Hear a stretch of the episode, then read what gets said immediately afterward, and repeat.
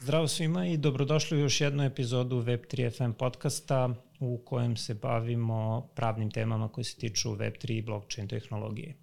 U današnjoj epizodi, koja je specifična po tome što prvi put snimamo a, na engleskom i remote, a, gost je Eric Hill, a, vrhunski stručnjak koji se bavi savetovanjem različitih DAO organizacija i zbog toga smo odlučili da ga pozovemo naš podcast kako bismo osvetlili ovu temu, budući da postoji jako mnogo otvorenih pitanja koje a, još uvek ne znamo kako će se rešiti, a i jako mali broj jurisdikcija ih je a, na neki način regulisao. A, na, sada ću preći naravno na, na engleski i nastavljamo snimanje sa, sa Erikom. So, Erik, welcome to Web3FM podcast. We are so happy to have you and thank you for your uh, time. Um, let us start with uh, your brief introduction. So, uh, where are you from? Uh, what is your current position? Uh, what you what is your field of expertise and similar? Sure. Thank you so much, Ilya. It's so nice to uh, be here and see you again. Um, sure. So my name is Erik. I'm uh, Canadian. I, I, I make my permanent home here in Canada. I um, currently work at something called Pool Maintenance Labs, which is a education and advocacy not for profit for uh, liquid staking and related technology. And um, before that, I've worked in a number of other projects, uh, all or or crypto related, and um, and uh, and that is how we came to meet each other. Um, and let's mm, start with uh, with your uh, with your Genesis block. So how you entered into into Web three, how and why? Yeah, so it's kind of funny. So I was actually a degen. I was uh, trading uh, perps overnight, you know, in Hong Kong, and uh, staying up all weekend and shorting Bitcoin. And my uh, legal colleagues kept emailing me this op- uh, where they were looking for a lawyer that understood crypto. And the opportunity was uh, it had to do with the Quadriga CX exchange, right? So we had this big exchange in Canada. It's like before, after Mount Gox and before FTX, it's like the biggest fraud ever and uh, it was based right here in Canada. It was actually based in the town where I live, and so I kept getting these emails uh, asking me. So eventually, I accepted the the uh, interview, and then I uh, accepted the position, and I went to work on what I would call corporate sort of uh, litigation investigation. I worked in the forensics and financial crimes unit of a major uh, consulting company. Mm-hmm. And I began to practice like crypto law as opposed. So during my off time, I was trading crypto and participating in ICOs, and, and then and during my daytime, I was actually working in uh, a legal capacity in um, in particular on this one fraud. All right. And um, have you learned about technology? So, like uh, by yourself only through through trading, or you uh, experience experience some challenges because uh, many things are not regulated back in the time. Sometimes they're launched professionally by VC, and sometimes they're just launched enthusiastic people. Um, you know, although they you say that it's on chain and it's you know open source uh, that doesn't mean anything if you can't read it and you don't know what it actually does and so uh, like most people i went through these steps where you know i thought it did one thing but it turns out it does the other and eventually you learn to ask uh, in the as a lawyer i began to learn to ask very specific questions and the only way for for me to learn the technology really is to literally be on a call with a piece of code in front of me and I ask the dev, so what happens here?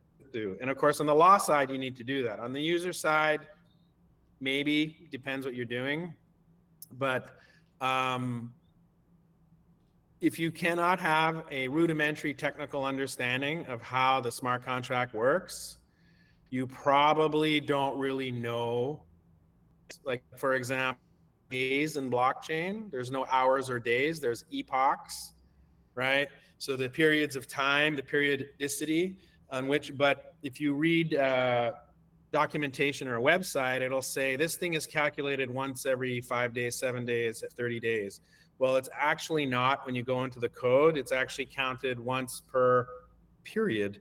And that period is not equal to 24 hours and stuff like that. And on generally it doesn't mat- matter, but on the fringe, in the in you know on the edge cases, it will matter. It will matter that it get calculated in 28 days instead of 30. And so it's that kind of journey to understanding how the technology works. Um, and a lot of it to be honest, is uh, comes from.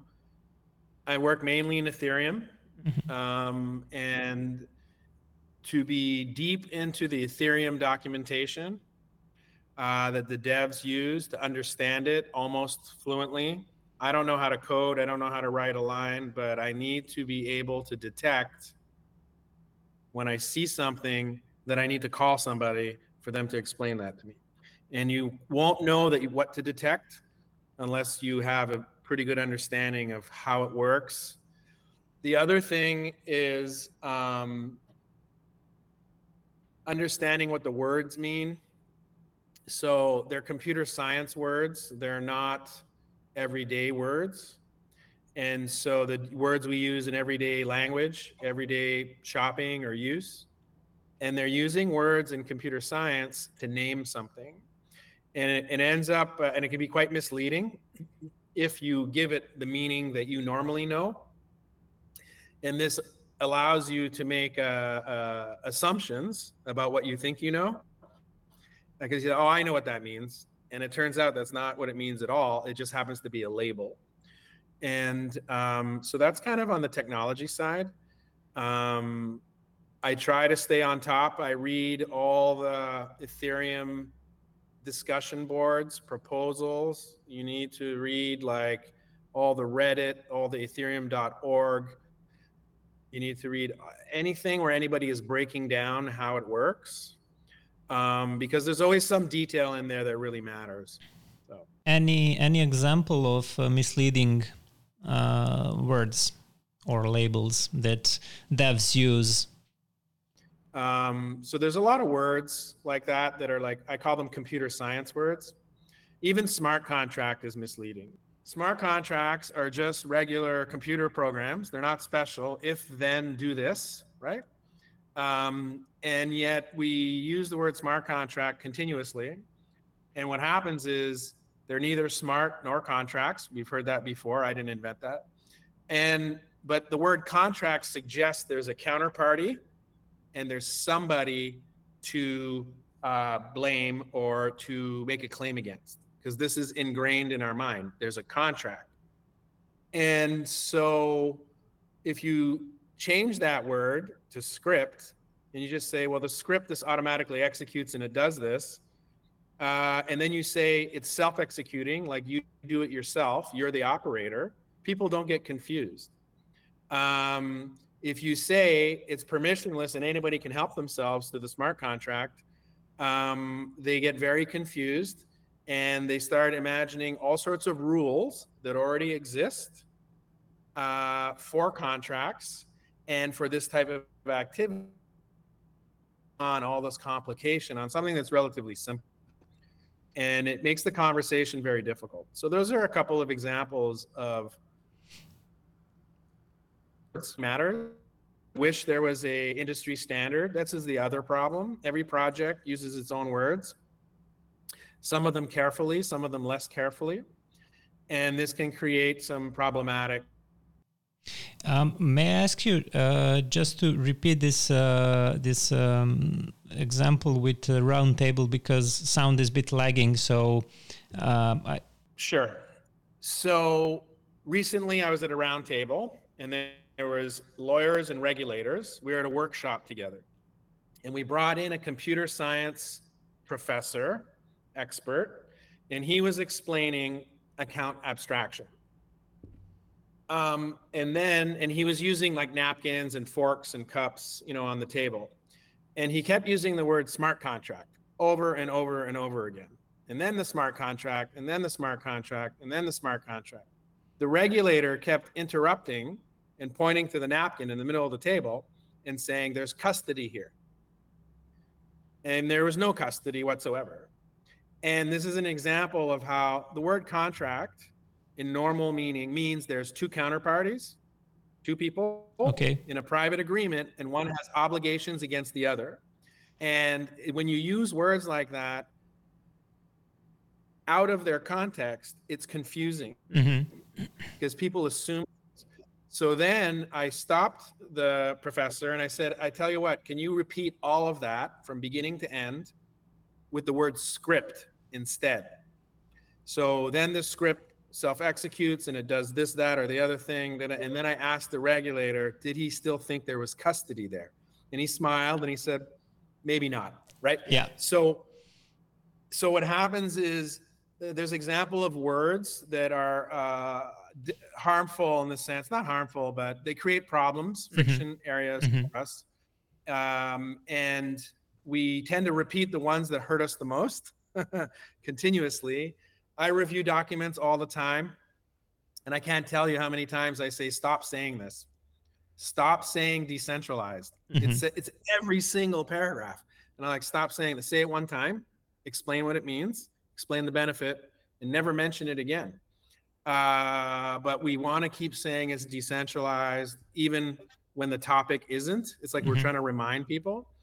And then uh, we keep repeating the word smart contract continuously and um, these are areas that that that that uh, we would have fewer problems if we didn't do that. Yeah, I, understand. So. Um, some something uh, to recommend to people who want to join Web3, maybe some um, YouTube channel, documentary book, or blog um, to to listen, read, or or watch um, instead of uh, piece of code until they get to the level which enables them to to read the code and to understand the, the piece of, of code. Yeah so like most people during the pandemic i watched like four hours of video uh, all day. Mm-hmm. these days i haven't watched anything so i don't know what's obsolete or what's new. Like i haven't watched youtube for at least two years. But i did and you can learn a lot from something like YouTube. You can learn a lot, I think, if you enroll in certain courses. Like you can take a certificate in, so for example, I wanted to test my knowledge of Ethereum. So I enrolled, didn't study, and took the exam for the certified Ethereum professional right certificate, uh, technical certificate, and I passed it, but I only got seventy two percent, or you know, it wasn't what I would expect. Mm-hmm. Bitcoin one, I got 98, right? So uh, the one thing I can tell people that is if you want to understand crypto, that you should, and I'm not alone, I've had this conversation with other lawyers who are key in the space. I read the Bitcoin white paper about five times a year. Every time I get confused, every time I'm unsure, I just go back and read it. You only need to read the front like the first five pages. The back part you don't need to read. And it clearly explains like the fundamental principle or ideology of crypto and decentralization. And when you're trying to either make an argument, explain something, or design in your design, even in a social DAO, if you're trying to design something in social DAOs, I'll tell them go read the Bitcoin paper and design your social system to mimic that, even though there's no robots. Mm-hmm. And it's very, that's like the most important thing. Um, and then, like like I was saying, there are some websites on Ethereum. Some some um, other blockchains have very good documentation, like very good, uh, which is also good to read. So without, and that's not so technical but like so uh, if you go to solana it's very good. If you go to polkadot cardano the documentation tends to be very good because it came much later mm-hmm. right? So you know they have second mover second starter advantage like to know that the documentation wasn't that good on the round one and i'm coming later and my documentation is much better. It's easier to understand. It's addressed to the correct audience you know and that kind of stuff. And so you can learn a lot by reading about the other ones polygon also so on polygon has very good documentation. I, I full disclosure i i used to consult at polygon. And uh, you can learn a lot simply by understanding how something like that it's not even a layer two right? It's a side chain. And so just understanding the difference between a layer two and a side chain uh, and you'll learn it and you'll be like okay and that helps you understand the base layer. And and those type of things is all expand your knowledge uh, to the point that you know recently like bridge there's a lot of bridging now and I don't have time to read the bridging documentation, but I have a fairly good understanding of how bridging works because I understand how the layer one and the layer twos work and how the layer twos work generally. Mm-hmm. And what'll happen is, you know, I'll have a conversation with the bridging dev from whoever they are, and then I'll be able to ask them very specific questions. You know, I'll know what questions to ask rather than say, explain me how this works, you know, because that's where you get into a skills thing is the per you know that's it depends how good your teacher is. And some people are really good at explaining and some people most people are not you know. Yeah. Yeah th- thank you for for this. Um so now let's switch to to very hot topic uh, and that's uh, that's regulation of uh, DAOs. Um, you mentioned that you advise several DAOs and that you are very involved into into DAO space uh, since they are barely regulated. Um, but before before uh, issues and problems that follow the DAO, um, let's start maybe with uh, to try to define what is DAO actually. How how do you understand this concept? Sure. Yeah, and so I can uh, tell you that I've worked with both uh, social, what I call social DAOs, Bankless DAO, Moon DAO. They want to put colonize the moon. You know, uh, I've worked with protocol DAOs, right? So like Lido, I've worked with. And um, the first thing I'll say about DAOs is there's a spectrum, right? So there's no universal answer of what is a DAO, and this is one of the issues. Is like where is this line? Nobody really knows. What I would say is it starts with what activity are you doing? right? Because sometimes it's just a club, and we already have clubs, right? And and and um, but I also, for over time, have come to believe that size does not matter. That you could literally have a DAO with like five people. Uh, it it really depends on what it is that you're doing, right? And because if you're doing a for-profit thing or a not-for-profit thing, that matters uh, if you're doing something which is like a public good or a social has a social impact uh, primarily like the primary impact purpose is social that'll be different than if you you know are doing something that's primarily uh, financial or i don't know identity right or healthcare records or something like that right so um, just a record keeping system that works a different way. And so that's the first thing. So there's no, uh, it, like all lawyers, it depends. Depends what you're doing, right? Um, what we do know is that we have people. You have a, you have people who uh, come together on a usually on a some kind of social alignment more often than not. Like I consider Ethereum. You know what is Ethereum? It's kind of a DAO. People are socially aligned, and who are the members is the validators. right Um, so, you know, they, they share some common interest or common goal, right? And this is the same. It can be similar to a art club or a soccer club or a, you know, a homeowners association, the beautifying my park or whatever that is. And then there's a different way of coordinating. Right? It's the coordination of these people. And so the coordination is uh, often using technology um, and it's often using uh, open source technology. So open source is a key concept, both in the product that they do and how they coordinate. You'll see the words radical transparency. So the technology allows for certain things to happen uh, that don't normally happen in a traditional club or a traditional system, right? So, or a company. And the main one is, uh, you know, having conversations in plain sight and the symmetry of information. So it's very easy when you only have five people that you all go to the meeting and you all have the same information. But when you have a lot of people, this isn't the case. Not everybody can go to the meeting, you know, uh, and so you end up with different levels of information upon which to make your decision. And in traditional non sort of technical solutions, non crypto native solutions, uh, symmetry of information is a big problem. And the bigger the business, the bigger the problem, right? Basically, you have a black box, you have a handful of people, they make all the decisions, they get a result, they tell you about it after, right? Um, in DAOs, you have this sort of social alignment. You have, uh, ideally, you have conversations in public. The information is there. It's asynchronous, and you have this key aspect where everybody is a member and they have the ability to do give their social signal, right? So, you know, they can they, they can vote. So if they have a token, um, they can vote. Usually there's a smart contract that does calculates all that. And then there might be a treasury. So the token controls a treasury. The treasury has some funding in it.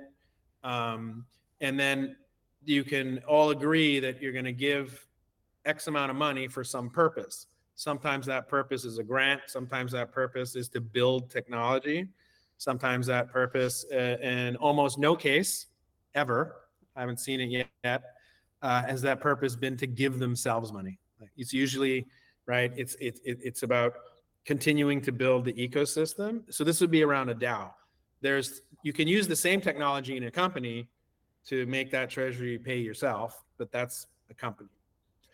Um, so that's how I sort of view DAOs. Protocol DAOs are a little more robotic. So I like to call DAOs robots, right? If in an ideal world. So you have people from all over the world, uh, hundreds, sometimes thousands of people. I've also been involved in Shapeshift DAO. There's about 15,000 people there. Uh, Lido DAO, if I'm not mistaken, has 95, 90,000 unique wallet addresses like in their DAO. So this is the thing about scaling. So what the technology allows is it allows for everybody to participate everywhere, which is normally won't happen. If I have some club in Arizona and I live in Germany and I can't participate in that club uh, because I don't live there and I can't go to the meetings and I really wish I did and I saved my money for 10 years and I go to their annual meeting and I say, oh my God, I've been waiting 10 years to come here. Now we have this system where anybody can participate from anywhere and we get this massive at scale participation. And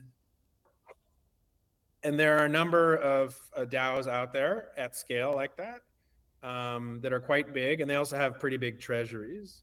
And their key feature is the sharing of information. So they'll have like a public forum, they'll use a chat of some type, whether it's Discord or Telegram groups, or there'll be conversations. The key features are you're free to come and go if you want, you just leave. So if you're not happy, like you bought a token, you joined the DAO, you voted, uh, you don't like the vote that happened, you're just free to leave. You just leave. You can go sell your token. You don't come back. You know, you're not forced to be there. It's easy to get out of it. Um, and that there's this uh, democracy, like this sort of. There's a couple different models now, right? Like no model is perfect. So obviously, on just straight up to- token voting, if I have 100 tokens and you have one, you know, my vote's more important than yours. Uh, carries more weight but uh, that's kind of in V1. And we're seeing many other models where people think it's Im- more important to address that imbalance uh, if, if, you think it's important. The truth is, is it may not be important at all. It just depends what you're doing, right? So uh, again, there's a spectrum. So I guess I'll stop there and I'll let you ask a question. Uh, yeah. So uh, last thing you you mentioned uh, this discrepancy between uh, number of tokens you hold. There is a solution uh, for this um, mathematical solution, if I'm not mistaken. So it's a quadratic voting, right? Can can you briefly reflect on that? So quadratic voting is is is a way to curb right the the imbalance in voting power that might arise because of the way so if you arrive late right so if i'm in the DAO in the beginning i and let's say i was received i didn't buy them i actually received them because i worked there uh, what will happen is i will necessarily have accumulated way more tokens than you and you just discovered the DAO this week and you want to come in and you're like really firmly and you have great ideas and you're really smart and you can contribute, but you only have 10 tokens, right? Because you're limited. And so you this is what I talk about when there's this imbalance. And so because of time, you know, uh, people at the beginning tend to have more tokens.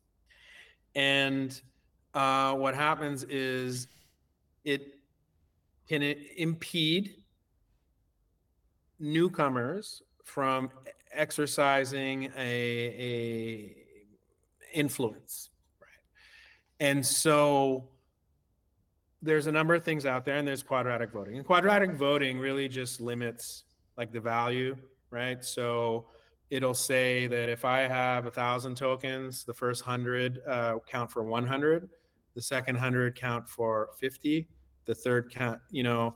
And so that way it doesn't neutralize it to one and one uh, but it, it dampens the overweight voting of you know of somebody who has a disproportionate number of tokens. Because without that you're relying on volunteerism. So i've been part of daos where the founders had millions of tokens uh, and they abstain so they never vote mm-hmm. the bankless daos like that right so bankless hq has millions of tokens and they abstain right they do not vote ever, uh, just because on every vote they could because they founded it. Right. And so, and at the beginning, at the thinking was, you know, I'm going to keep this much for myself. Uh, and I think over time, what you're seeing is you're seeing people try to give those away or redistribute them. I won't say give them, but redistribute them. So, for example, in some protocol DAOs, um, we have uh, sort of like a token sort of reward plan. So they'll set aside tokens from the treasury. And then what they'll do is they'll say anybody who's like it's kind of like a loyalty plan or there's different formulas, but ultimately what they're doing is they're redistributing tokens for free, mm-hmm. uh, so that there become more people, right? So there's less concentration and more people with you know a reasonable amount of tokens, so that one it it pushes back against um, arguments that it's you know controlled by a few and also it's achieving this greater idea of like just spreading the voting ability voting power i like to call it across more people. And quadratic voting is one method for that. Uh, quadratic voting um, i think I, I describe it as dampening concentration of vote power to try to give a more fair result. Because it would be unfair if you have 5 million tokens and you only get one vote. That would also not be fair. Yeah true.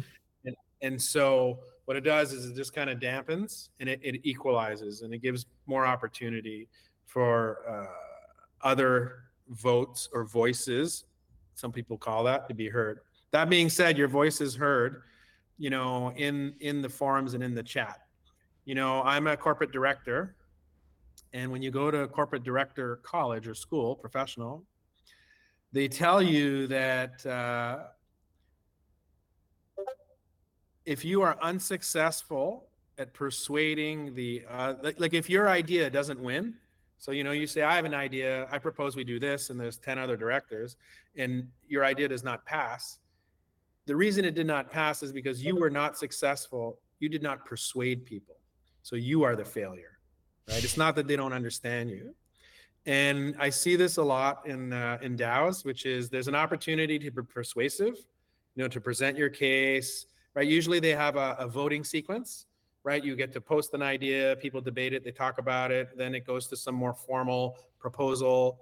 Then after proposal time, uh, there's more debate. The proposal might get modified to incorporate some of this persuasion, and then it will go to a formal vote that would be the formal signaling that this is what the majority of the token vote power uh, wants, like the directionality.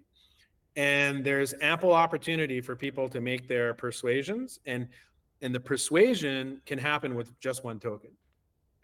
And so that's another way. So when I look at that argument where they say, well, you know, not everybody's voice is heard, I say, well, that's not exactly true because if you have a point, you make it well, uh, if you're persuasive, like we already know this is true in the regular world, you know, so it's a bit of a cop out to say that not everybody can be heard or, you know, they can be stamped out. The real issue is the question of conflicts of interest, mm-hmm. right? So you know, it becomes that even a good idea, if somebody's in conflict, even a good idea can be quashed because they have a higher purpose. Right? Yeah. And I think uh, this is probably going into our next question, which is about regulation. uh, yes, but uh, yeah, and one more thing uh, before we move move on to to regulations. Um, how do you motivate people to to vote? So contributors, how do you um, incentivize them to participate? Uh, I heard and I, I understand that that's a big issue with almost every DAO. Yeah, and democracy. Yeah, that's yeah that yeah that's that's that's coming from like real world, from offline world, off chain to be precise. I used to work with a great guy, Mateusz uh, Rosowski. Mm-hmm. He's at uh, Polygon, and he is uh, uh master's or PhD political scientist. And he used to give me all the numbers all the time about like like the average participant participation rate is like 30% or is very low mm-hmm. generally in democracy. So it's the same issue, right? So even people who are paying taxes or who rely on free healthcare or who like it affects their daily life have a very low participation rate in DAOs. Uh, sorry, in in in democracy. Mm-hmm. And then you get in DAOs, you have this democratic uh, system. And again, I think it's on a spectrum. It depends. So some DAOs, like a social DAO, might have a lot of activi- activism, where the workers or the people who are working there, freelancers or whatnot, are also members of the DAO, and therefore they're in their daily workspace. And it's it's much easier to get those people to vote because they're in there every day. At the other end, you have DAOs where there's like 90,000 token holders, and they may not be following uh, Discord servers and you know chat rooms and and forum posts, and so I may not have the time. They might live in different time zones, which is the other thing, right? When this global, on the global uh, nature of it is like if you're having a community call and the community call is at noon in America, well, it's at midnight in India, right? And so or and when it's at two o'clock, three o'clock in the morning uh, somewhere else, like people don't listen to that. And so, um, and sure, they could record it and they can listen after. No, almost nobody does that unless they have a really vested interest. But you also don't get to ask questions live, right? And so there are some problems. And so the low participation rates, I believe, are related to uh, that, right? Which is just what is my available time? and how much time do I want to put in it and what is my main concern. And so there's one way to look at it that says I don't vote because I'm not concerned. I'm happy with whatever happens. And there's another way to look at it to say, well, it's unfair because it's the same 45 people that vote all the time only and uh, they can you know advance ultimately begin to make changes and advance things like while you're not paying attention um, is definitely a possibility. I think the the truth is in the middle there somewhere, right? The low participant. How, how what can you do? Well, the one thing you can do is community engagement, right? So there are some uh, tools. Like you think about something like Twitter. It's very easy, right? Like you follow this thing and then you know you get a spam and it says you you know you have a little dot you open it and it tells you that there's a vote today right so there are tools to um, that can help that. So community engagement, which is like through social media, there's community ga- engagement through um, having what I call community calls. Like so, you set up calls, you know, two per week, one in one time zone, one in the other. And so there's a platform, and if you're smart, you'll put it kind of around lunch. You know, you know, you won't put it at 9 a.m. when everybody goes to work. And um, and so there's some outreach. Uh, you can also build uh, bots. So I've worked with DAOs where there are bots. So the bot spams you every day and tells you these are the items that are in the. I have this in my legal department. Mm-hmm. the end of the day, I get a spam and it tells me everything that happened, everything that's outstanding, and everything that's for tomorrow. And I get it around 5 p.m. where I live every day. It's a robot. Boom, boom, boom. And uh, it's very useful. And I got the idea from a DAO actually. So uh, where they were doing this, so they send a spam, uh, you know, daily, basically, robot, and it reminds people. Uh, then you can also do things like you can don't have continuous voting is another thing. So people get voter fatigue when they have to vote like three times a week, five times a week, six times a week, and they have to go read like half an hour of material each time. So that's not helpful either. So alternatives are to group it all. So you're only going to vote once per month on a Thursday, right? And you're going to have omnibus, or you're going to have like five votes, or you're going to have a system that manages to group them, that makes all the information available. Um, that's another way. And then you can spam everybody, and everybody knows there's one call a month. And on that call, we're going to explain all these things, and you're going to get the spam bot. And then they're going to say, okay, please go vote now. And then I'll just say, as the clock winds down, when there's an hour left, the spam bot starts going spam, spam, spam, just to remind people. And uh, for the most part, because before, without a spam bot, you end up um, having to message people. And if you're messaging people, there's obviously a relationship. And so, you know, I message my friends, I don't message strangers, Mm-hmm. right? And so um, the messaging thing, I think, is is better than nothing, but it's a little weak and it contributes to this problem, which is the conflicts of interest and uh, the overweight voting in a particular direction. So anytime you can automate something, this is my answer to everything. Anytime you automate in the DAO space, if you make a robot, whether it's a voting robot, it's the treasury robot, it's self-executing, you have just eliminated human points, human nodes. And when you eliminate those human nodes, you really advance your DAO claim and your decentralized claim because humans are the weak point, right? Yeah, point of failure. They don't have to be malicious. It's not a conspiracy. We just behave in certain ways. And sometimes the outcome, you know, later on from 30,000 feet doesn't look as good as it should. So uh, let's turn now to the regulations of DAO, uh, DAOs. Uh, so to my knowledge, I think the the only country is actually uh, federal state is Wyoming that that has a dedicated piece of legislation that governs DAOs, and maybe Marshall Islands, but I'm not sure uh, about uh, about that. Um, so how do you navigate through such uncharted and unregulated territory, or barely regulated? Yeah. So I guess there's two things here. There's one which is just like the legal personality and transacting with the real world aspect. And the second part is like what is the activity they're doing, right? Which may or may not be a regulated activity. And so I guess th- I'll go to the first part of your question, which is there's actually a few more Mhm. uh, jurisdictions that have DAO legislation. Uh, none of them are particularly good.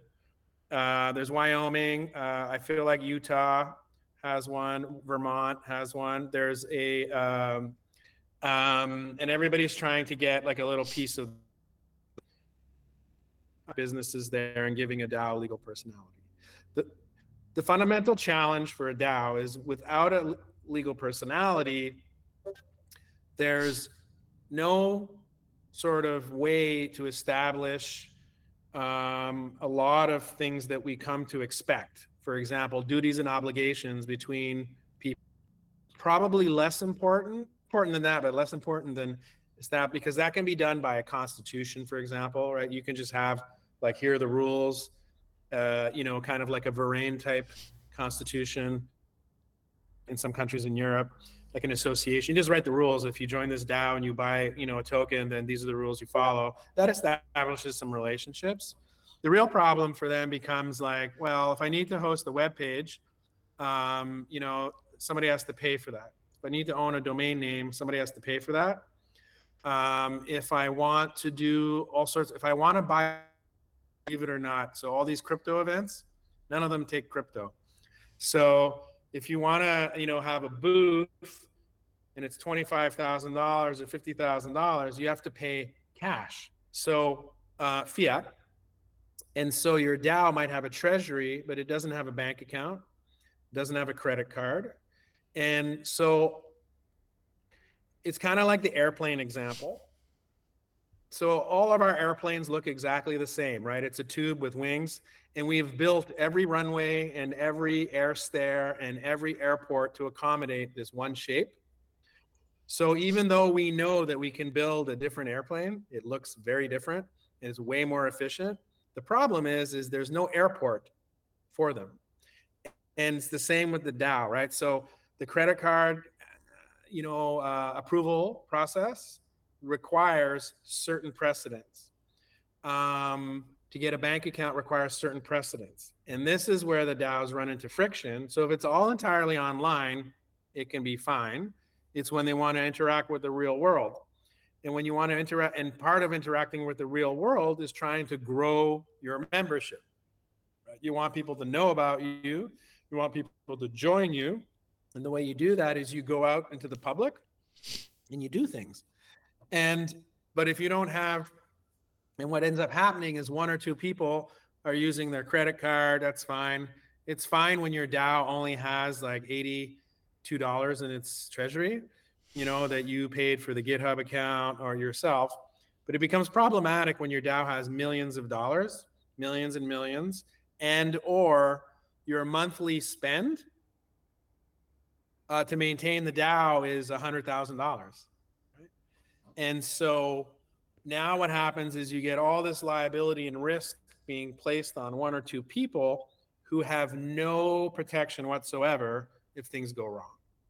And this is the fundamental problem. So what you have is you have a couple of jurisdictions that have created legal personalities for DAOs where they're saying that they will give limited liability to people who conform in a particular way you know, to this legislation.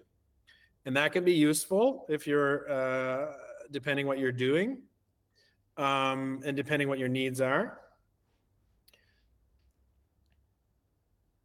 Again, DAOs are a spectrum and also like DeFi is a spectrum, for example, and the different activities that can be done on chain is a spectrum one aspect in one area of that spectrum is this idea of pseudonymity, right? Like, so like you know, like I you don't know that my name is Erik and where I live and all that, you and reputation, right? So I've just been participating in the community for a really long time. I have some handle. My name is Rotorless, you know, and people uh, recognize your reputation, your handle. It's like the custom and the practice of the trade, if you will. And so, um, what happens now is if you don't have a, a wrapper of some type, uh, let me back up there. So as I was saying, one or two people end up paying for everything to keep the DAO going, right? And uh, and but then these wrappers require certain disclosures, and usually the disclosure is who is everybody, like name every single person, right? Uh, I want all their information, and usually the the system itself uh, and it won't accommodate this pseudo anonymity, right? That I was just talking about. So it's not. And the other thing it won't accommodate is thousands of people. So I was on the Law Reform Commission for the United Kingdom and Wales, examining DAOs, and advisor to them. I wasn't on the commission; I was advisor. And I told them, I said, you know, you have a company limited by guarantee. In some circumstances, this could be suitable for a DAO. The problem is, is if your DAO has 10,000 people in it, you want 10,000 handwritten entries to be uploaded in your registry. So the problem isn't us. The problem is you because you're not making a system that can accept the 10,000. So even if they all had their names, even if they were willing to all disclose themselves, there's no system. So this is that come in and register thing you hear about like securities in the US is there is no way to actually you know upload 10,000 people. And so and you can form a DAO within days, right? Within days, right? Some you know like thousands of people boom instantly and now if you wanted to register it it could take you weeks or years depending how slow you are registering 95,000 people I think that would take a really long time if it wasn't done automated, right? And so there is a disconnect between the existing uh, infrastructure and the existing laws. On the DAO legislation, they've tried to create systems where they'll say, if you identify three people, they just look at company law and they say, if you identify a secretary, a president, or whatever, uh, then they're the people we blame. And uh, we want to know in the uh, or regulators or administrative state. They just want to know who to reach out and grab around the neck, right? When something goes wrong. And so they they they want to know somebody. And this is where the, decentralized part becomes problematic because they will and I've been in a lot of conversations with regulators where they insist like there's custody there, which means there's a human being in charge of it. And you're like, there isn't. It's just a script and so they're trying to find the person. And, and the, the fundamental uh, principle of crypto and decentralization in the first place is the elimination of these choke points, mm-hmm. right? To eliminate the trust point, right? This person is trusted, and therefore, in law, he's the person you put your hand around. Uh, but they'll code that person out like a robot. They don't exist anymore. And one of the frictions is is uh, they'll say, okay, that's fine. I don't care. Uh, show me somebody who I can grab. That's basically it. And uh, and sometimes you're like, well, there's nobody because these guys wrote it and they just published it. These guys took the published material, uh, read it, and decided to deploy it um, over there. And let's say they made it immutable, so it's just forever running. And it, in, and this is like if a tree falls in the forest, does anybody hear it? So I can launch a, a protocol. If I don't tell anybody, nobody will ever know about it. It's just lost out there, right? And then there's like these guys over here uh, are talking about it, tweeting about it. Some people like the idea. They create a, a group, a forum, and then they say, you know what, we're going to make a DAO, right? Or maybe they planned it from the beginning. But either way, that's kind of like the sequence of what goes on. And what happens then is you have a totally new technical system that has eliminated the old risks and it creates new risks. And so this is where there's a tension. So there's a lot of um, uh, over ambitious claims. In some ways, crypto did it to ourselves. We make all sorts of ambitious claims. Like we stand on this one idea that this weak point has been eliminated and therefore it's superior. It may be true, it may eliminate this trust relationship, but there's new there's new risks that didn't exist before. And uh, and those risks may not even be equal, they may be less, but we can't deny them. And uh, and I know your question is about DAO legislation, and here I'm wandering into the conflicts thing. So if you have a governance DAO and you have tokens, uh, and nobody knows who anybody is, and nobody knows who wallet 15 is, or nobody knows that wallet 15 is also wallet 22, is also wallet 74, is also wallet whatnot, right?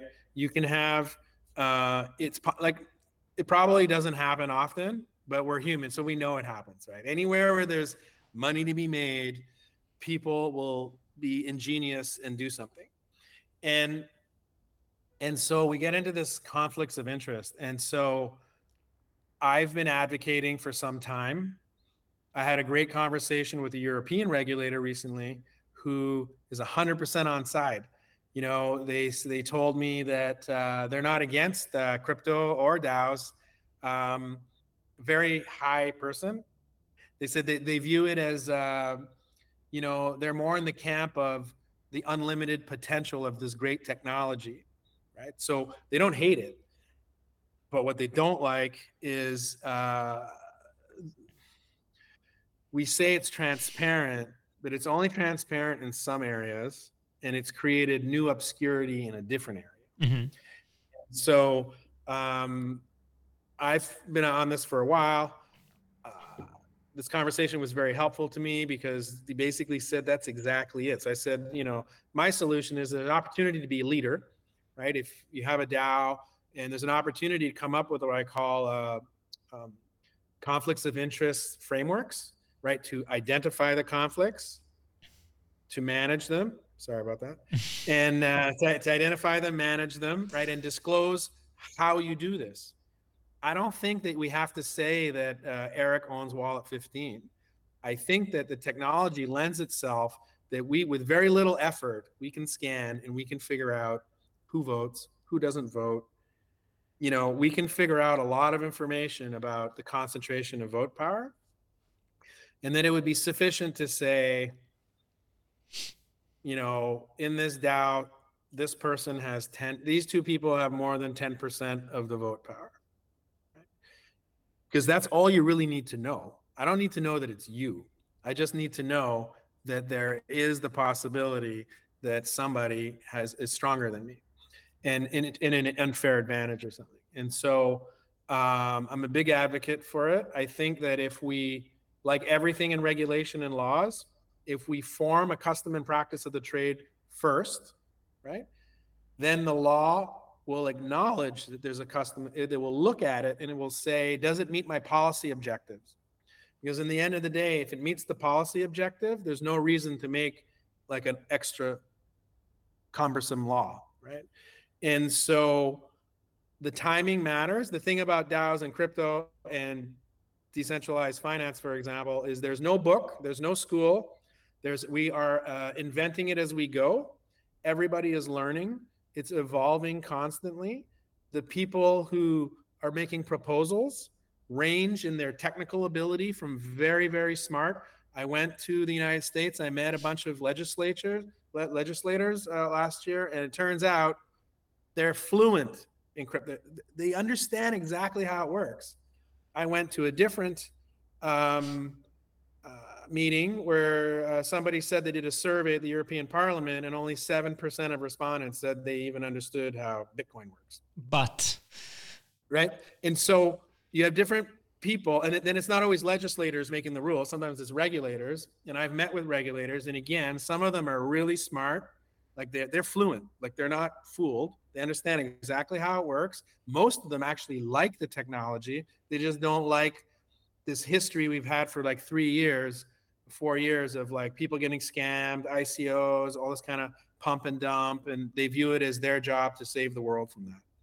And so, um, and then uh, we've also met regulators who it was like banging my head on the wall, like bong bong, like you know, you just can't explain. Like doesn't matter how many times you explain it, they just keep saying the same thing and you're just like okay so you just don't understand the technology so um the conflicts thing so my advice to everyone both internally and to everywhere i go which is let's look at the re- the real world let's look at the issues that they care about and these are policy issues they're not uh, procedural issues like first i put my name then i put my native birth and i that's procedural what is the policy issue? The policy issue is protection of the public. Okay.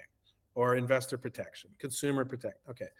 Policy. And then what can I do at my own DAO? Because most DAOs are waiting around to see what the rule will say.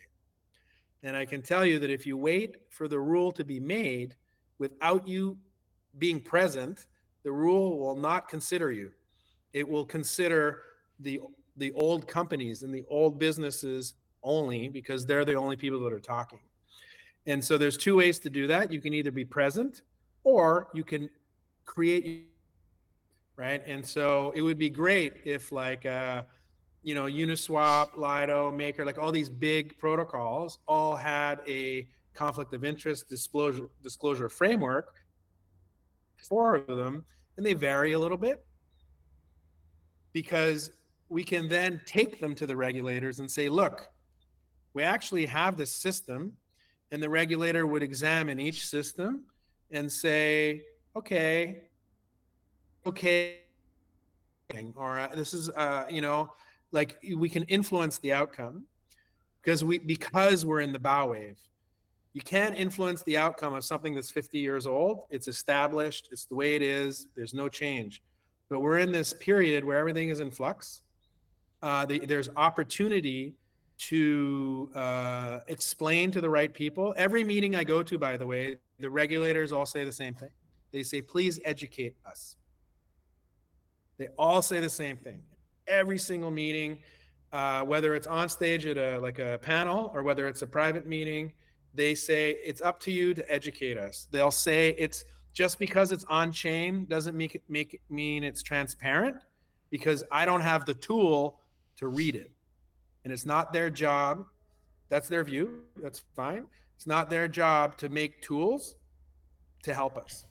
So, you know, for example, so every time somebody says it's transparent, they should go make a tool that makes the dashboard that the regulator can read, mm-hmm. and then the regulator would say, "Okay, I believe you." Right? the the it's not enough to say that untechnical people who don't know anything can use Etherscan to search hashes to then figure out and trace, you know, hops of tokens. It's not going to happen, right? So so they consider that to be um, um, not realistic, right? And and so do I. You know, so so we have to be uh, reasonable in how we approach it. But I, there's a lot of regulation in the air all over, both from the company side, the DAO side, the the the regulation of tokens, securities, collective investment schemes, you know, all sorts of uh, there's MiCA, right? Stable coins. There's all on the financial side, but it's all in the air and it's all changeable, and it's all influenceable then if you don't send somebody or you don't develop your own practice, somebody else will just do it for you. Yeah. So yeah, thanks for for bringing up MiCA. Um, since many DAOs uh, work in a DeFi space, uh, which uh, MiCA aims to regulate. Um, do you have what? What's your stance about? Uh, adaptation of DAOs to to MiCA? Is it possible? How how to how to navigate through MiCA if you are not in a recognized legal form in Europe? Because um, MiCA does not regulate DAOs as such, but regulate what DAOs do. Yeah, yeah. So MiCA has this word fully decentralized or sufficiently defense, right?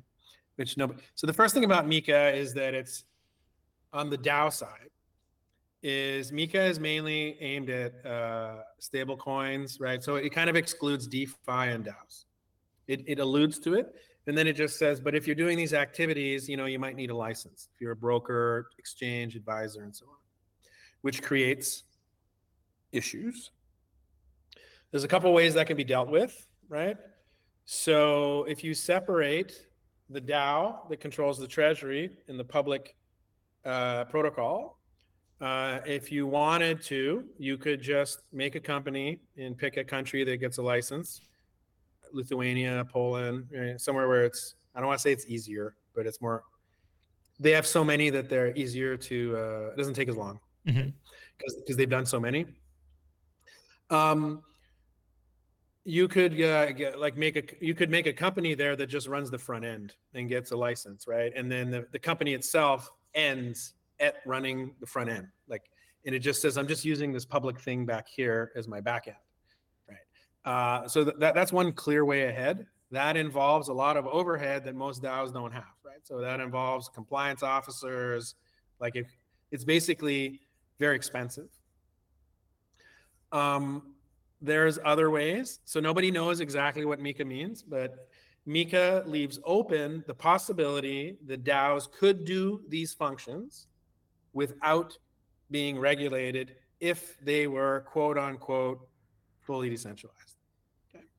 So it leaves it open and they don't say what that is and nobody really knows. And we have these conversations both with lawyers and with regulators and nobody really knows. And of course, nationally, it'll be implemented, uh, you know, according to national tastes but I know because I had conversation. The conversation I had was about MiCA, mm-hmm. about the conflicts thing. So, and it makes sense when you think about it. so, if you have a DAO that is a protocol DAO, let's say it has a lot of voting tokens all over the world, uh, it has this thing, and then there's some front ends. Front ends are problematic all over the world, by the way. The direction is that everybody wants to, uh, you know, say the front end is the business because they think like Web 2. The platform is the website you log into. Um, it'd be very interesting when somebody makes a little Napster widget that you download to your computer and then you just connect to the mesh and now there's no front end right mm-hmm. and uh, and to me that escapes MiCA i think that uh, or probably in its current form uh, it's just not captured. It's not conceived right? Because they're still thinking like web 2 I think that if you have a maybe a browser extension, right, like kind of like your MetaMask does or whatever, that also uh, may or may not, it doesn't fall into their concept. The the sufficiently decentralized or or or fully decentralized would mean that who at what point and who can control certain aspects on the on the user journey, right? So I would say like the user journey. I uh, when I first joined a DAO a long time a year ago, I was like, you guys should make a movie called like uh, like a video. It's called like the, the the journey of the token, right? So that people would understand like this is the what the token does and the path it takes and how it works and comes back. And in hindsight, I was so right because a lot of the confusion about that particular token would have completely gone away the um, they're concerned with like who has admin keys, like who has the private key, right? And what can they do with it, right? So it's one thing if I can just like change the fee. It's a different thing if I can take custody of the treasury, for example, right? Um, if I can upgrade the contract so that you know, now I can use other people's money, right? And so those will vary about the design, right? So like some contracts are not upgradable. So like if you have like a contract that's not upgradable that simply locks in the treasury and nobody can ever take it except for this one way, uh, that's different than if you have a different contract where even the treasury contract is upgradable, right? And so um, there's a spectrum of decentralization, and that is for certain. And even you even see it in uh, there's an IOSCO paper which is very unfavorable towards DeFi, but they even they say it's a spectrum, mm-hmm.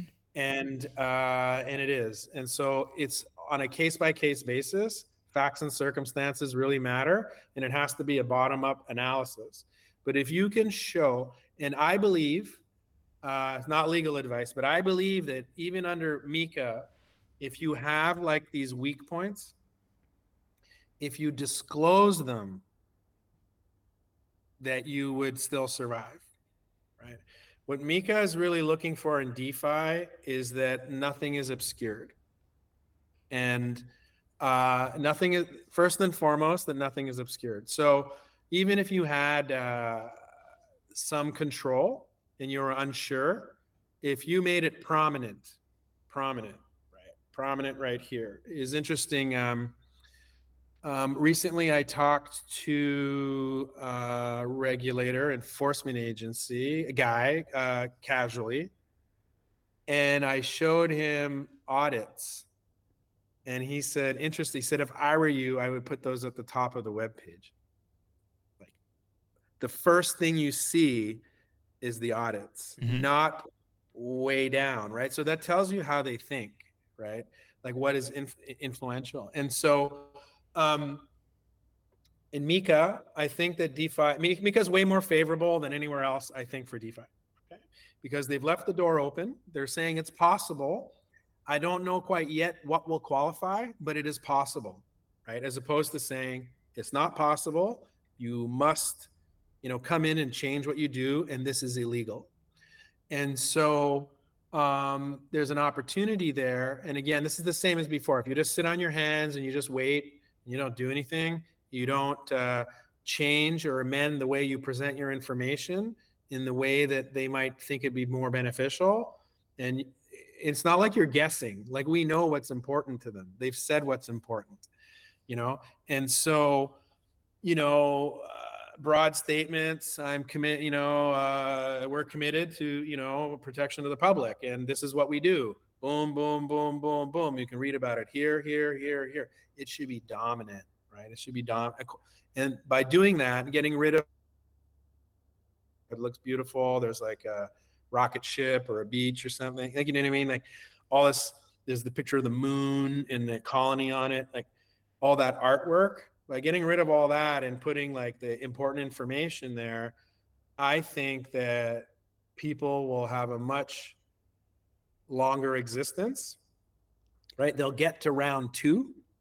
They'll get to the next level of MiCA 2 when MiCA turns to uh, DeFi and under DeFi, uh, and then there'll be opportunities to say, well, we already created a system. Here's the frameworks, and they will be. If you have a framework that's good, um, it's difficult for a regulator to publicly say it's no good, right? They can't appear to be like. Uh, they can't reveal that they're actually hostile right? Right? So so like if, if you come up with a framework it was really good. It achieved the objectives. You explain how it achieves the objectives. Um, it's very hard to say no i'm going to replace that whole thing with this because it doesn't achieve the objectives because that's very easy to attack right? And so and this is where our politics comes into play the democratic politics which is once policy is i don't know what they taught you in uh, serbia when i went to law school in canada they always said uh, never forget to make the policy argument at your trial right? You know like you know the policy like the policy argument like right away because if you can get it thrown out on policy you don't have to do the rest right? And so um you know that like uh like what what is the aim of this rule? What is the aim of this law you know, and if you can get it thrown out on that, then you don't do the rest. And so it's the same same idea here, policy. Yeah, matter of interpretation of law. Yeah, and everybody's going to have an opinion.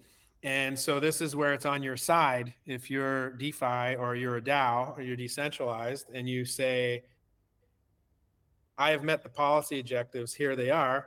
And then the other side says no. And then you say, no problem. Hey, politicians, there's an art. And then everybody has an opinion. Right. And so um, I think uh, so far I can tell you that participating in things like I'm a member of POSA, the Proof of Stake Alliance in the United States. I'm a member of the EUCI, the European uh, Union Crypto, Crypto Initiative. I'm a member of EBA uh, also. And I would say that so far, it has been successful. Like I have seen in writing something produced by a regulator that I saw in writing, in draft, inside one of these working groups six months prior. Right? So it's not like they're not listening. They may disagree, but they're listening. They do these call. We just had the call for submissions for IOSCO. You know, I thought I, I feel like 200 people answered. Like I feel like like every time all week last week, every person I talked to said that they said some sent something. I sent something everybody I know sends something. So that's a lot of information coming in from all sorts of people who are claimed to be expert in the area right? And so and by very definition the people making the rules are not expert in the area and they must consider the expertise of others right? So um, yeah i don't think MiCA is uh, as bad as it seems. I think MiCA was driven by the stablecoin um, companies right? There's definitely an advantage that's going to accrue to the non for the centralized stablecoin companies under MiCA, and uh, and that's where most of the emphasis is. Yeah. Um, indeed, uh, EUCI is doing great job, and uh, their team, uh, Marina, Anya, Viara, and and others are really always up to date, and they produce um, a lot of material to to be read, and that should be very useful to the um, policymakers. Uh, and now, before we wrap up, uh, let's reflect briefly on uh, some problems that DAOs pose to uh, traditional legal framework. So practical issues uh, like how you decide on competent court or jurisdiction, what would be applicable law um, maybe some civil or criminal liability, that kind of, of uh, things, because we already mentioned uh, governance and securities. Uh, maybe commodities laws, but principle is the same. But those which are common for day to day legal practice. Yeah, so liabilities and private law. So, yeah, for sure. Like there's infinite, it's just like in real life, there's infinite things you can be sued for right? Like uh, I was a member, I'm not happy with you. Uh, maybe it's real, maybe I just don't like you and I'm uh, unreasonable. Uh, maybe it's a true issue. Maybe it's um, the case where I had a loss, right? I uh, I tried to bridge a token. Uh, I didn't know what I was doing, and I sent it to you know the token address, and it got burned, and I lost three tokens. And then some lawyer says, "I'll I'll, I'll take that up," right? So there's there's also this infinite sort of circumstances there. And there's definitely some issues with traditional legal flame frameworks. And again, it depends a little bit on what the activity is, but let's just say outside of, let's forget about regulation for a while, right? Because we do have some decisions, but they're very specific, right? So we have like the Ooki DAO case in the United States, but it's very specific. It's specifically that um, they didn't show up. So it's a default judgment. So it's not really even precedential because unless you, the next person doesn't show up, they'll say, no problem. What was the precedent is that.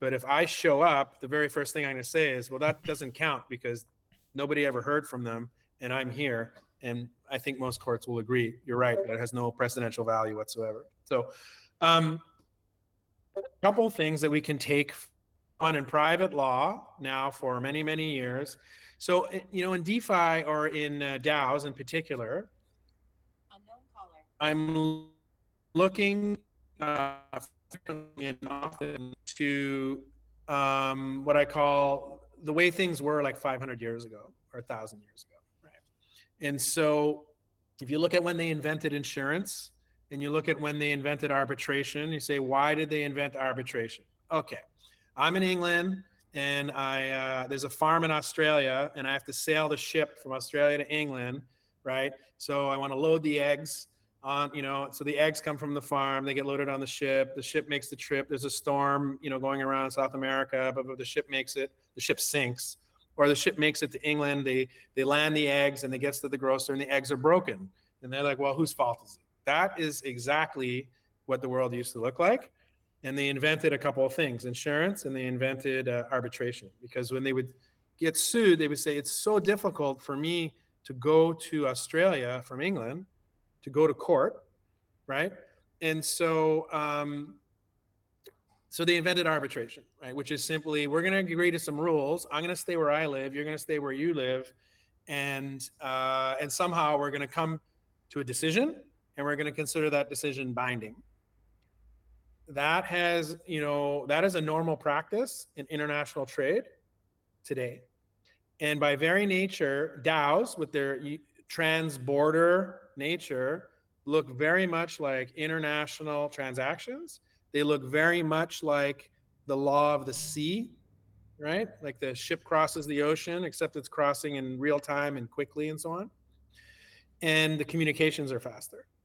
And so yes, there's problems, which is like who to sue, whose fault. I'll just name anybody I see, and it can become very problematic uh, because there's it depends what country you're in. Germany has different laws than like New York State has different laws than Australia, and so, uh, but these other concepts, like I call the law of the sea. Uh, same as same in aviation, by the way, and space law is the same. Like nobody owns that, but we have conventions we have pacts, we have treaties, and an arbitration, we have something called the New York Convention. And I forget, there's like 100 co- countries that are signed to it or something. And if you're a signatory to this convention, which is a contract in private law between nations, um, It simply says that an arbitration decision in one country is enforceable in the other. So it's automatic. So we've entered into these. So we do have precedents. Uh, so right now we have nothing, and I'm a big advocate on this sort of treaty system pact, right? That we should enter into these DeFi pacts or decks like five principles or whatnot. Um, and this could alleviate some of these legal problems because you're agreeing in private law how you're going to do your dispute resolution. The second thing is there's a a very uh, obscure case that many people don't know about. and It has to do with the Kleros court, and it was enforced in Mexico. And maybe some lawyers know about it. I see you nodding, and I think it's it's very good. So we have an online dispute resolution system, the Kleros court, followed some process. It arrived at a result, and somebody was not happy with that result. So what do they do? They ran to their legal system and said, I exhausted that system. I'm not happy. I want to bring a case here. The court uh, looked at what is the Kleros court, d- decided that it was a fair system, that some that you signed up for that, you agreed that you would use that in private law, and they couldn't find any fault with the process. Like a process was followed, it's repeatable, it will yield the similar or same result in most cases. And so the court just said what you hope it would say. Who am I to interfere with the decision that you agreed to? Right. And so they made, and so then they just said that this decision is enforceable. And that's a big cue. Many places around the world, I think, would have the exact same pronouncement or decision from the bench, which is if you have agreed in private law to follow a process, and that process is sort of everybody knows how it works. It doesn't have to be fully transparent; it just has to be, you know, not underhanded. Um, that uh, that decision would be enforceable. You could run to the court and get it in, in, enforced. That still doesn't solve the problem about who, like the individual, the DAO, the whatnot. But there are cues here about how it can be done, right? Which is the strength in DAOs and decentralization will be in the private law, right? Not public law, not regulation, but in private law. And that we should be encouraged to enter into those bodies, in, into those laws with these bodies. Because if you, even if you look in certain you know, I used to tell people when I uh, do work for a DAO, and they say, they say, well, how you, you can't represent a DAO? And I said, well, that's not true. You can't represent a DAO for everything, because for most things you need to establish like a solicitor-client relationship, and it's hard to do, if not impossible, with a bunch of people you don't know. But if you look at some re- some legislations, I always use the trademark one. So if you go to WIPO and then you go and you look at all the trademark legislations around the world, in the top paragraph, it says a person means, and it elaborates all the juridic or juridic, jurid, juridical persons. And then it says, or an unincorporated association or any other organization. So here you have statutory standing in most countries for something like a DAO, but only to argue about trademark, mm-hmm. right? it's very limited. And so you can, and I've searched through like 100, 200, 300 laws to try to find, and you find it peppered. Like, you know, you'll find three or four places where it actually says that anyone with an interest has standing. And so, and you don't have to be like a legal personality. But for the most part, our system relies on we call a legal person and this remains a problem to have standing in a court, which means you need an agent of some type. And I believe that uh, there are other examples that have worked, right? So where, like, if you indemnify a person, so I worked with MoonDAO. They put some astronauts on a rocket. The rocket went to outer space uh, with Blue Origin. All that required a lot of work with the real world and in the end, it looks like if you can find a willing person and you're willing to indemnify them because you have the resources to do it, you can always like just like a resolution, right? You can pass a you know something that they can rely on, right? You know that they can say that you know I'm indemnified. You see this here, but it's more than that. You actually have to uh, like you say, well, how do I enforce that? You actually have to let the money go, right? like you just can't say I promise to indemnify you in the future because then you can't get it enforced. But if you create like some other wallet that's controlled or there's an escrow, something like that, you know, then that person knows that the indemnification is actually there and you have an actual system. So there are ways in particular circumstances, you know, where a DAO can have a presence uh, in the legal system, um, whether it's through a lawyer or by creating an agent who's a client. Um, it's going to continue to be problematic. My view is very, very heavily every time there's an exploit, every time there's an exploit, I resurface it. I tell everybody. So there's an exploit on Uniswap. The pool gets drained. Uh, you know, the funds go out. Boom, boom, boom. And then what happens is there's always somebody that says, seven hops later, you have my stolen token. And uh, I always say, well, no, no, but we don't have an agreement on that, right? So, like, you know, if we had a pact, which we can enter into and we can ratify, you can do it on these votes. You can make an online pact. It's like a treaty.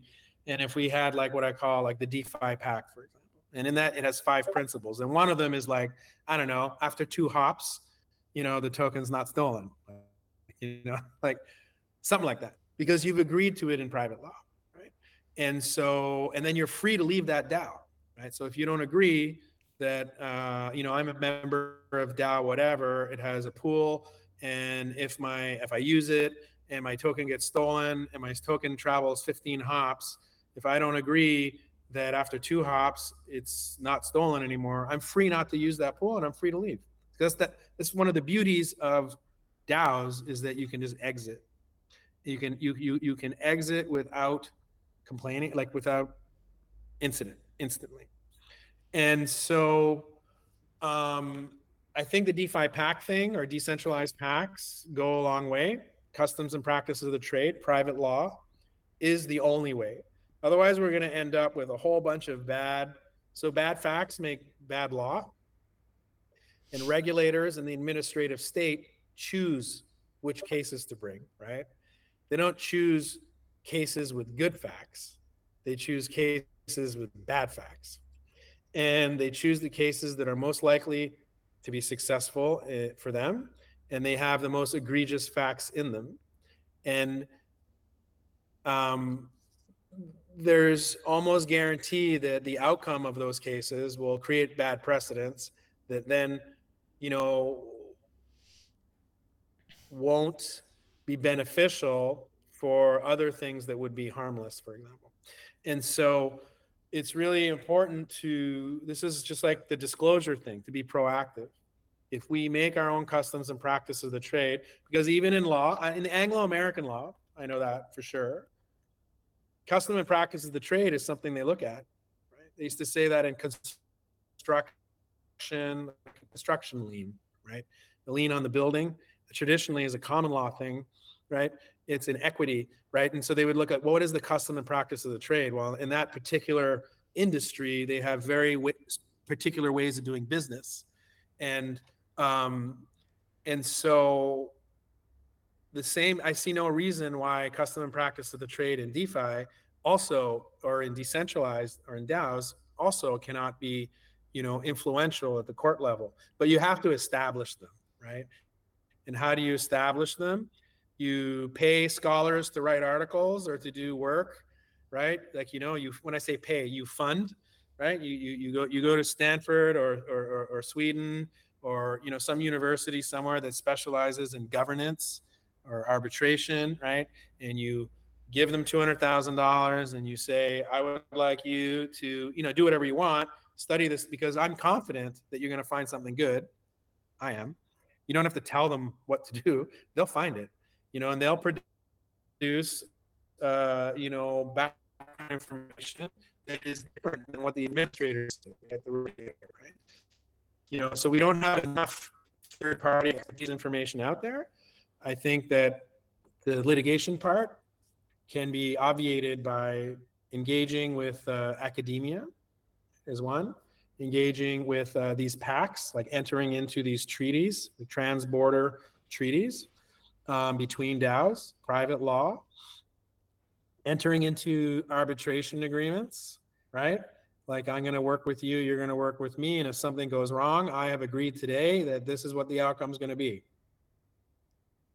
And that way you stay out of the things that make bad facts make bad law.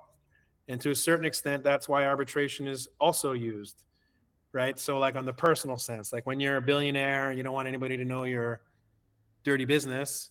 Uh, you make sure it's arbitration every time, right? So that it's not in a court of law and they don't, you know, start announcing that, I don't know, you have five wives or something. Right? So the, uh, that's kind of, uh, I know your question is like, what are the problems in the framework? And the problem is that with, without trying to leverage the entire ecosystem, the basic framework doesn't allow for the identity of a DAO to be recognized as having standing in a court was problematic. And so ultimately, then they start digging in and they start looking at your tweets, start looking at your Telegram messages, and they start trying to figure out who is in charge. And even and in some cases, people who are not in charge, who are just like, there's a lot of form of leadership, right? Technical expertise is a form of leadership. Doesn't mean it's management. Right?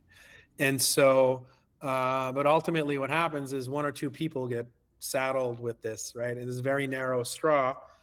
You know, uh, when I early on in the system, I used to say if, you know, if if a DAO gets a subpoena and it's mainly in one country, like all 10,000 people should show up at the courtroom and insist on their right to be heard, and just denial of service attack the court system. Yes, that's good. A good example. Yeah. So, uh, Erik, before we wrap this up, uh, do you have some risks and disclaimers you'd like to share? Because we talked uh, about very practical things and. Yeah, thanks a lot. So, yeah, so I am a lawyer, but I'm not your lawyer. And I'm not anybody else's lawyer because I don't know your situation. I don't know your facts. So, this is like general information. It's not my official capacity. I'm just sharing sort of ideas that I've learned along the way. And I'm trying to uh, socialize them so that other people can listen and they can pick up on the idea and maybe develop it further. Um, you know, so, so it's pretty standard. It's not legal investment advice or uh, any other kind of advice for that matter. It's just for entertainment purposes. Erik, uh, thank you a lot. It was very informative and uh, useful. You shared uh, very interesting cases and, and information. So once again, uh, thanks a lot for joining us and hope to uh, have you again. No problem. I love it. Thanks a lot and good luck. See you next time. See you next time. Uh, dragi gledalci, bilo je to još jedna epizoda Web3 FM-a. Pratite nas na društvenim mrežama i do sledećeg slušanja. Pozdrav!